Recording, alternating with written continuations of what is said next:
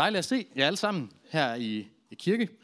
Øh, jeg hedder som sagt Andreas og øh, læser historie på øh, Aarhus Universitet.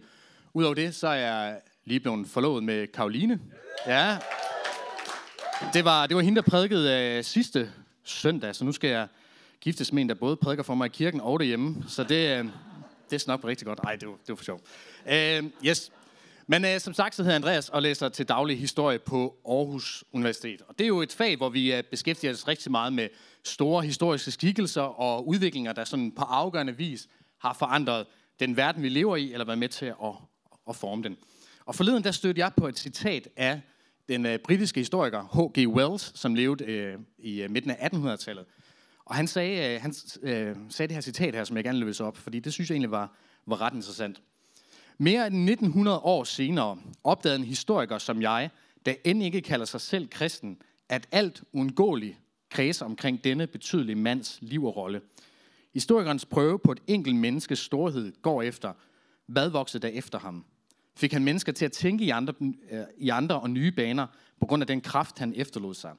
Ved denne prøve kommer Jesus ind som nummer et. Jeg synes, det er et ret fedt citat, øh, fordi det er sådan, at der er ingen historisk skikkelse, der på så afgørende vis har formået at forme den verden, vi lever i, som øh, Jesus. Han er en historisk person. Han er et stort menneske, der har helt, på, helt grundlæggende vis været med til at, at forme den, specielt den, den vestlige verden. Men vi er ikke samlet her i dag for at mindes et, øh, et stort menneske, som ændrede verdensstøjen. Hvis vi var det, så kunne jeg lige så godt holde et foredrag omkring øh, Julius Caesar eller Napoleon. Det vil jeg også meget gerne gøre. Det må, øh, tænker jeg, det kan vi klare en, øh, en anden gang. Jesus han er et historisk menneske. En stor personlighed, som forandrede verdenshistorien. Men han er også så meget mere end det. Og i dag der skal vi læse fra Matteus evangeliet kapitel 16. Og øh, i den her historie, der er Jesus og disciplene på vej øh, til Caesarea Philippi, som var en by, øh, der lå ude ved kysten til, øh, til Middelhavet. Yes. Da Jesus kom til området ved Caesarea Philippi, spurgte han sine disciple, hvem siger folk, at menneskesønnen er? Og menneskesønnen, det er sådan et andet ord for, for Jesus, så han, han spørger egentlig, hvem siger folk, at jeg er? De svarede, nogle siger Johannes Støberen, andre siger Elias, og andre igen Jeremias, eller, øh, eller andre af profeterne. Og det var sådan, at jød, det jødiske folk havde gennem tiden haft en lang række profeter, så der var nogen, der tænkte, om det er nok bare en af de gamle, der er kommet tilbage. Så spurgte han den, men hvem Øh, men I, hvem siger I, at jeg er? Simon Peter svarede, du er Kristus, den levende Guds søn. I teksten der spørger disciplene, hvem siger I, at jeg er? Og det er jo et, øh, et interessant spørgsmål fra, fra en mand, som gennem hele, hele Bibelen og hele sit virke her på jorden, virker sådan ret overbevist, ret sikker på, hvem han er, selv er. Han siger sådan her om sig selv, at menneskesønnen er kommet for at opsøge og frelse det fortabte. Så hvorfor spørger han lige pludselig sin disciple nu, som han har vandret med i mange år, ja ikke mange, men i hvert fald et stykke tid, hvem siger I, at jeg er? Var det fordi, han var, kommet, var han kommet i tvivl? Han sådan mistet øh, troen på sig selv, han mistede visionen for, hvem han var. Han mistede ja, troen på, at Gud havde en plan med ham, og han var den frelser, som jøderne havde ventet på. Eller var det, fordi han havde brug for disciplens bekræftelse? Du havde lige sådan en dag, hvor selvtilliden havde lidt et hak. Måske var der et mirakel, der var gået lidt galt, eller et eller andet, jeg ved det ikke. Men han, ja, det kunne man jo tænke, at det var derfor, at han spurgte. Men nej, det var det ikke. Jesus han stillede ikke sit spørgsmål, fordi han var midt i en identitetskrise, eller havde mistet visionen for sit virke her på jorden. Han stillede spørgsmål for at drage disciplene tættere på sig selv, og drage dem tættere på den mission, som han var i gang med. Han gjorde det for at forvandle dem fra vævende skeptiske tvivlere til disciple, der forstod, at han virkelig var den, han sagde, han var. Når vi læser i Bibelen, så ser vi igen og igen, at Jesus han bliver frustreret over, at disciplen ikke forstår, hvad det er, han vil. At de ikke forstår hans plan, at de ikke forstår, at han virkelig er den, han siger, han er. Og man kunne undre sig over nogle gange, om der ikke fandtes en lidt nemmere måde at få folk overbevist på. At få folk til at komme til tro. At få folk til at følge efter ham. En nemmere måde at få folk overbevist om, at han virkelig var den frelser, som han sagde, han var. Vi læser blandt andet i Bibelen om den her historie, hvor Jesus han forvandler fem brød og to fisk til en, ja, en øh, mængde mad, der kan mætte øh, flere tusind menneskerne. Og det var som på det tidspunkt, da Jesus levede, der, der var Israel jo besat af romeriet. Og romerne, de delte gratis brød ud til folkemasserne, ligesom for at få dem overbevist om, at hey, vi er faktisk nogle gode fyre, der gerne vil gøre noget godt for jeres land, så her er noget gratis brød, så vil vi bare gerne have jeres loyalitet og jeres opbakning. Og jeg tænker nogle gange, Jesus han kunne have gjort det samme for at, at promovere sit. Han kunne jo også have, ligesom have begyndt at dele gratis brød ud til folk, for at få dem til at, at tro på ham. Han kunne egentlig bare have nikket med hovedet, og så ville kristendom være skabt. Ikke på grundlag af fire skrøbelige evangelier og en korsfæstet mand, men på uddeling af gratis mad til folkemasserne. Jesus han kunne have brugt det her mirakel som en slags PR-stunt, sådan til at lokke folk ind i, uh, ind i butikken. Og det er jo, ja, man kan jo tænke, hvorfor, hvorfor gjorde han ikke det? Han kunne også være kommet ind i verden som en krigsherre. En krigsherre, der med vold og magt smed den her romerske besættelsesmagt ud og genoprettede staten Israel. Han kunne være blevet kendt og frygtet over hele verden som en mægtig krigsherre, der med guddommelig magt underlagde sig verdens riger. Han ville helt sikkert være blevet tilbedt, men ikke af beundring af kærlighed, men af frygt. Der havde helt sikkert været nemmere måder at få mennesker til at tro på. Men Jesus han afstår fra at bruge alle de her smarte genveje. Afstår fuldstændig fra at springe over, hvor gader laves. For Jesus han siger definitivt nej til de, tro, eller undskyld, til de mirakler og tegn, som vi tror, vi har brug for for at tro. Han siger nej til definitivt at fjerne vores tvivl. Og det gør han, fordi at selv ikke et festfyrværkeri af almagt og mirakler vil være i stand til at opnå det svar, han søger fra os. Selvom gratis brød vil kunne få os til at, at følge efter, og tegn og mirakler kan få os til at tro, så kan kun kærlighed gør os i stand til det eneste Gud ønsker af os. At komme til ham i kærlighed. Og det er en af de ting, der sådan fascinerer mig allermest ved, ved Jesu fremtræden her på, på jorden. Han kom ikke ind i verden som en tordende Gud, der med vold og magt demonstrerede sin, ja, sin almagt og sin guddommelighed. Han gjorde sig lille. Han gjorde sig tilgængelig. Man kan nærmest sige, at han, han gjorde sig svag. Med det eneste formål, at vi blev fritstillet til at komme til ham af egen fri vilje. Så Jesus han nægter altså at tvinge nogen ind i Guds rige, men gør, giver også muligheden for os selv at vælge, hvad vi vil. Og det er jo det, kærlighed er. Kærlighed, det er jo øh, en beslutning, der skal tages af en fri vilje. Man kan ikke tvinge folk til at elske nogen. Og når nu Jesus har gjort det, ligesom lagt det meget over til os, gør sig selv tilgængelig, så er det lidt relevant at se på, på os, på os mennesker her i det 21. århundrede. Ej, nu kommer jeg til at blande sammen. Undskyld. Vi starter lidt andet sted. Yes. For Jesus der er det afgørende, hvad disciplen tænker. Og det er også afgørende, hvem vi tænker, at han er. For Jesus han var ikke Johannes døberen, Elias eller en anden profet. Han er Kristus, den levende Guds søn, som Peter han bekender. Og det er afgørende for Jesus, at disciplene indser det. Ligesom det er afgørende, at vi også indser det, eller i hvert fald forholder os til, hvem vi tror, Jesus var. For Jesus han kom netop ikke kun for at give os liv efter døden og, og, og øh, fjerne vores synd. Han kom også for, også for at give os liv nu her. Lige nu. Han har gjort sig afhængig af vores frie vilje, og han tvinger ikke nogen ind i Guds rige. Og derfor er det relevant at kigge på, hvilken tilstand du og jeg er i, og hvordan vi er påvirket af den tid, vi lever i. For i bund og grund, så er min evne til at sige ja eller nej til noget, det er jo afhængig af, hvad jeg vil, altså min vilje. Det er afhængigt af min opfattelse af, hvilket slags menneske jeg selv er. Er jeg så et menneske, der kommer i kirke, eller er jeg så et menneske, der ikke gør? Eller, er jeg, eller så er det også afhængigt af mit syn på sandheden. Skal jeg give nogen eller noget taleret ind i mit liv, så må det være en frivillig beslutning. Ellers så bliver det usundt og uholdbart, eller i værste fald bliver det et overgreb mod min vilje. Så hvilke slags mennesker er vi i det 2100? Hvad er vi formet af? Og hvad er vi påvirket af? Der er sådan en svensk forfatter, som hedder Magnus Malm, som jeg har været meget øh, optaget af og læst en del af hans bøger. Øh, han har sådan identificeret tre ting, som påvirker os, vores jeg-opfattelse, vores opfattelse af sandheden, her i øh, det 21. århundrede. Og dem vil, jeg gerne, øh, dem vil jeg gerne lige gennemgå med jer nu. Og jeg skal gerne lige sige, for god ordens skyld, at jeg jo på ingen måde er, er hævet eller, eller frigivet for de ting, han taler om. Jeg er faktisk enormt udfordret af de ting, han sådan pegede på som noget, der, var, der påvirkede os. Det første ting, som Magnus Malm øh, identificerer, det er narcissisme.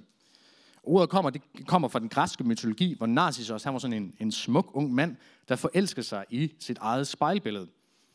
Og den her optagethed af sit eget billede, det er et karakteristisk træk i den narcissistiske personlighed, og hele den kultur, der er ramt af den. For lige siden oldtiden, der har mennesket været sådan, øh, har mennesker skabt forskellige billeder. Vi kan fra hulemalerier til det sextinske kapel. Det har været vigtigt i alle slags kulturer. Og det har været en måde som ligesom at afspejle menneskets øh, indre og ydre verden på. Men i den narcissistiske kultur, der tager billederne et afgørende skridt. Det afspejler ikke længere mit jeg. Det bliver mit jeg. Jeg er mit billede. Jeg er det, der kan ses. Det vigtigste er ikke længere, hvem jeg er, men hvordan jeg opfattes. Det gør det svært for mennesker at finde forandring eller finde retning, når reklamer, tv og sociale medier forsøger at overbevise mig om, at jeg er, hvad andre kan se. Det er ikke længere interessant, hvem jeg er på bunden, eller hvem der er, gemmer sig inde bag det her ydre. Det interessante, det er, hvordan andre opfatter mig. Og det medfører også, at sandheden bliver markant mindre interessant for mennesker. Og det er ikke mandens pointe, at vi i dag render rundt og er alle sammen er dybt forelskede i vores spejlbillede, eller er store narcissister. Men vi lever i en kultur, der er præget af det. Hvor meget kredser omkring overfladen, omkring det synlige. Og i overfladen af det synlige, der finder jeg hverken sandheden om mig selv eller om noget andet. Og hvad den narcissistiske kultur har betydet for vores demokrati, er jo skræmmende tydeligt. Øh, det er sådan den offentlige positionering politik handler meget mere om at gøre opmærksom på sig selv, end at prøve at forstå og forandre den virkelighed, vi lever i. Det næste mand, han peger på, det er postmodernisme, som man kalder det dekonstruerede jeg. Og det er grundlæggende en, øh, en filosofisk retning, eller mange filosofiske retninger, der opstod i 70'erne. Og et nøgleord i postmodernismen, det er dekonstruktion. Vi kan ikke længere tro på de store fortællinger, hvad enten det handler om religion, filosofi, systemer, politiske ideologier eller videnskabelige verdensbilleder. De fører kun til konflikter og undertrykkelse af anderledes tænkende. Vi kan kun leve i fred med hinanden i et multikulturelt samfund på det vilkår, at alle opgiver at give krav på sandheden, og i stedet tilslutter sig den fælles trosbekendelse. Alt, hvad vi har tilbage, er vores spørgsmål og subjektive tolkninger, samt retten til at udtrykke dem uden indskrænkninger i et offentligt samtale, der er i gang 24-7. Det betyder, at postmodernismens måske største påvirkning af vores verdensbillede er den gradvise forskydning fra sandhed til mening. Alle har frihed til at søge og opleve mening i deres liv, hvad enten det handler om at dyrke tulipaner eller gå i kirke. At noget skulle være objektivt sandt er et udtryk for et forældet verdensbillede, som uundgåeligt fører til krænkelse, undertrykkelse og udelukkelse af dem, der er en anden overbevisning. Der er altså ikke meget tilbage at hente for et menneske, der søger svar på spørgsmålet, hvem er jeg? Andet end at spørgsmålet er forkert stillet. Og den sidste ting, han peger på, det er at IT. Det delte jeg. Og det er en af dem, der virkelig ramt meget, mig hårdt, da jeg læste den. Fordi den digitale revolution, som jo startede engang i 90'erne, har givet narcissismen og postmodernismen, postmodernismen et arsenal af våben, der giver altså fuldstændig til syd, IT øh, til sydland en uimodståelig kraft. Måns Malm, han skriver sådan her. Sjældent er en så omvæltende kraft med så totalitær krav på vores lydighed og tilgængelighed besluppet ind i et menneskes liv, med så triumferende løfter om, at det vil gøre os mere frie og uafhængige end nogensinde. Internettet med et armada af sociale medier, feriebilleder, kattevideoer og nyheder, det blev en, en fuldstændig uh, integreret del af vores hverdag, som at det er nærmest helt umuligt at tænke et menneske i det 2100, hvor man er frigjort fra internettet. Og jeg er om nogen, øh, også selv storforbrugere af internet. Telefonen, det er desværre for mig øh, ofte det første og det sidste, jeg kigger på. Ligesom at min, min lektielæsning, det bliver klaret med soundtrack fra computeren, øh, Snapchats, der popper ind, og messengerbeskeder. Den, den svenske forfatter, han, han øh, bruger, han kalder det fraværsfællesskab i sin artikel om smartphone. Det er sådan, at hvis en samtale eller måske en prædiken bliver kedelig, så er det, tager jeg bare min telefon frem for at få lidt adspredelse. Der er mange af os, vi lever i, i en tilstand af kon- konstante afbrydelser. Og det er jo på en eller anden måde relevant at stå op og tænke på, hvad, hvad gør det ved os? Hvad gør det ved os mennesker, at vores tanker og vores samtaler hele tiden bliver afbrudt? Hvordan påvirker det vores evne til at være i tæt kontakt med vores eget og de andre mennesker, der er omkring os? Og er det i sidste ende overhovedet muligt at opretholde en dybere og mere vedvarende billede af, hvem jeg selv er, i det konstante flimmer fra impulser udefra? Fælles for alle de tre ting her, det er, at det sætter individet, individet i centrum. Vi hele tiden appellerer til vores frihedslængsel. Det er dig, der vælger. Du har fortjent det. Realiser dig selv. Lad ingen sætte sig på dig. Bliv dit autentiske jeg. Brug dine egne ressourcer. Og samtidig så lykkes det med at skabe fuldstændig det modsatte. Mennesker, der i stigende grad bliver tilpasset mainstream og er stadig mere usikre på, hvem det er. Det er jo paradoxalt, at vi lever i en tid, der har sådan enormt enorm stor materiel velstand og sikkerhed, og alligevel så er der så mange mennesker, som kæmper med stress og, og psykiske sygdomme og har svært ved at finde til rette i det samfund, vi har skabt. Så hvor efterlader alle de her påvirkninger og strømninger mennesket henne? Hvad er tilbage, når alt mening er blevet dekonstrueret og pillet fra hinanden? Hvad med troen? Hvordan skal jeg kunne sige ja til Gud, når jeg nærmest ikke ved, hvad jeg selv vil, eller hvem jeg selv er? Det er sådan, menneskets kontakt med Gud begynder ikke, om, eller begynder ikke med, at vi spørger om hans vilje. Hvis vi spørger om Guds vilje, før vi ved, hvad vi selv vil, eller hvem vi selv er, er der risiko for, at Guds vilje bliver en erstatning for vores egen. Det er ikke holdbart i længden, og vores relation til Gud bliver udmattende, da vi kommer til at gøre oprør mod Guds vilje den dag, vi kommer i kontakt med vores egen. Det er derfor, Jesus han begynder helt fra bunden, når han skal skabe relationer, og spørger os, hvad søger du? Hvad vil du med dit liv? Hvad længes du efter? Gud han er ikke ude på at, at knække menneskets vilje og gennemtrumfe sin egen. Igennem Bibelen så ser vi, at Jesus han er sådan bemærkelsesværdig lydhør over for menneskers vilje. Han griber ikke straks til handlinger og fikser problemerne efter sin egen analyse, men spørger, hvad vil du have, at jeg skal gøre for dig? Det ser vi blandt andet, da han møder den blinde Bartimaeus i vejkanten ude for Jericho. Hvad vil, hvad vil du have, at jeg skal gøre for dig? Det virker også nærmest provokerende, da han møder en mand, der har været lam i 38, 38 år, og spørger, vil du være rask? Svaret virker jo ret indlysende. Ja, selvfølgelig vil en mand, der har været rask i 38 år, eller øh, vil en mand, der har været lam i 38 år, være rask. Men Jesus, han er lydhør.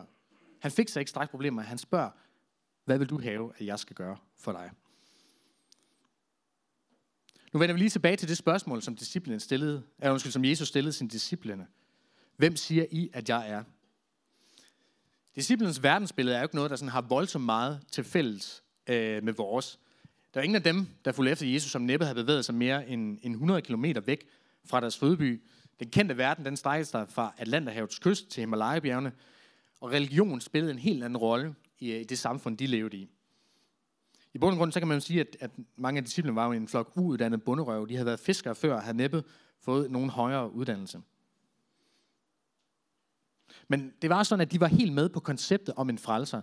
En del af den jødiske tro var jo, øh, de gik og ventede på, at Messias, frelseren, skulle komme tilbage og genoprette øh, kongeriget Israel. Og de havde vandret med den her Messias, med den her Jesus længe. De havde set ham udføre store under og mirakler. Men alligevel så finder Jesus det nødvendigt at skære helt ind til benet. At komme helt ind til sagens kerne. Der er sådan den amerikanske teolog, øh, A.W. Tozer, har sagt, What, com- what comes into our minds when we think about God is the most important thing about us. Og når jeg tænker omkring, eller tænker på Gud eller Jesus, så er det ikke altid, jeg tænker skaber, eller frelser, eller ven. Nogle gange så er det måske mere øh, flade termer som moralsk forbillede, historisk person, eller sågar bare en, en god fyr, der dukker op, når jeg tænker på ham. Men hvem jeg tænker, Jesus er, det er det afgørende for mit liv. Det er ikke sådan, at, at han, Jesus er afhængig af de tanker, jeg har, eller han kun kan agere inden for den bestemte ramme, jeg har sat op for, hvem Jesus han er. Men det at nærme sig ham og komme dybere ind i efterfølgelse af ham og give mere og mere af mit liv til ham, det er jo en, en tillidserklæring, hvor man skal træde ud i, i tro og stole på, at de ting, Jesus siger, er sande. At stole på, at han er den, han siger, han er. Han er tillidværdig. Men det kræver mod, og det kræver, at vi lærer at stole på ham. For det kræver mod at bekende, ligesom Peter gjorde, at du er Kristus, den levende Guds søn, ind i en kultur, hvor det at proklamere sandhed, det bliver set som nærmest sådan middelalderligt eller forældet verdenssyn. Det er nærmest på grænsen til det vanvittige, at man skulle tro på, at der findes en Gud. Det kræver mod at lægge sit liv over i Guds hænder. Og Jesus han stiller også sine spørgsmål til os i dag. Hvad vil du med dit liv? Hvem siger du, at jeg er? Og det er blandt andet for at hjælpe os mennesker med at finde vores centrum, vores inderste vilje. At føre os fra det overfladiske ind til det indre, fra periferien mod centrum. Vi ser det blandt andet i historien om, om Martha og Maria, hvor Jesus hjælper sin, sin gode ven øh, Martha med at se meningen med sin søster Marias prioriteringer. Martha og Maria, det var to gode venner af Jesus, som i historien, øh, altså Jesus var på besøg hos dem i historien. Martha, hun knokler rundt og laver mad og gør rent, og bliver ligesom frustreret over, at hendes søster Maria bare sidder ved Jesu fødder og lytter til ham. Og det er det, der siger Jesus. Martha, Martha, du gør dig bekymringer og er urolig for mange ting, men ét er nødvendigt. Maria har valgt den gode del, og det skal ikke tages fra hende. Martha, hun misser pointen og knokler rundt for at lave mad og gøre rent, i stedet for blot at sætte sig ved Jesu fødder. Og jeg tager sådan en lille figur med her. Øh, ja, den er ikke så pæn, jeg er ikke så god til at tegne i, i Paint, men øh, den, tænker, den, den går nok. Øh, jeg synes, at den her figur, den stod jeg på i en bog, jeg læste, som jeg tror virkelig på, at den kan gøre en ret afgørende forskel i vores liv, hvis vi begynder at, at tage den alvorligt. Fordi hvad vil jeg egentlig placere i de forskellige cirkler? Relationer, arbejdsopgaver, interesser, engagement, bøger, IT, sociale medier. Og hvor, hvor i verden havner Gud henne i alt det her? Hvad er det egentlig, jeg allermest vil? Hvad er det sådan det allerhelligste for mig? Jesus han prøver og forsøger med sine spørgsmål at hjælpe os til at afdække, hvad der egentlig er det vigtigste.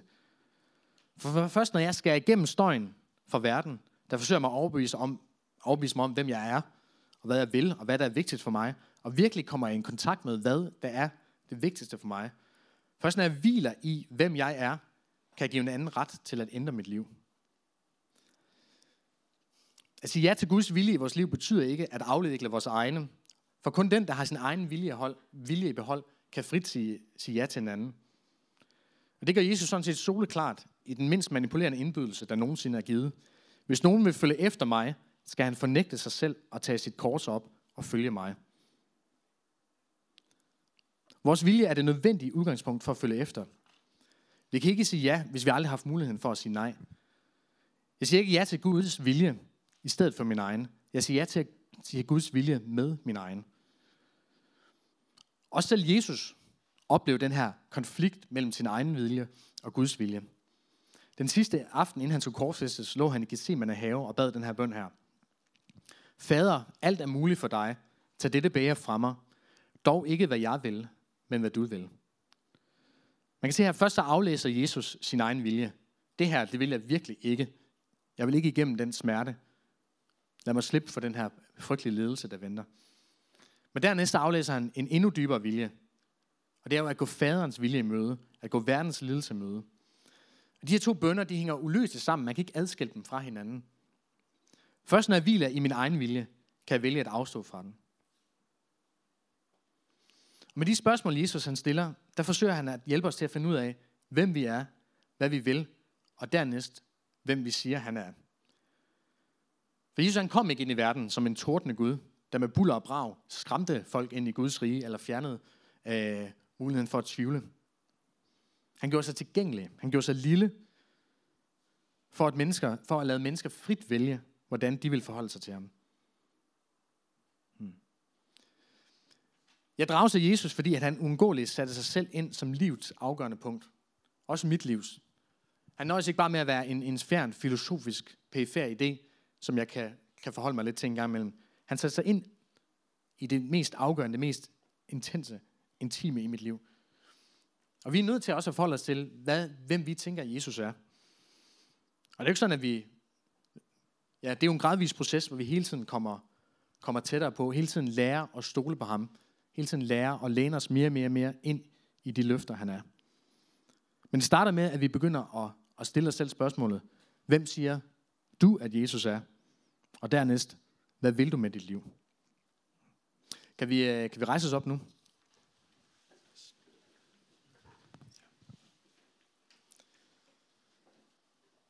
Jeg kunne godt tænke os nu, hvis vi, øh, ja, vi lige kunne, øh, kunne bede lidt. Der kommer også til at være, være forbøn øh, bagefter. Men jeg kan godt tænke os, hvis vi, øh, vi kunne overveje det her med, hvem, du kunne begynde at overveje, hvem siger du, at Jesus er?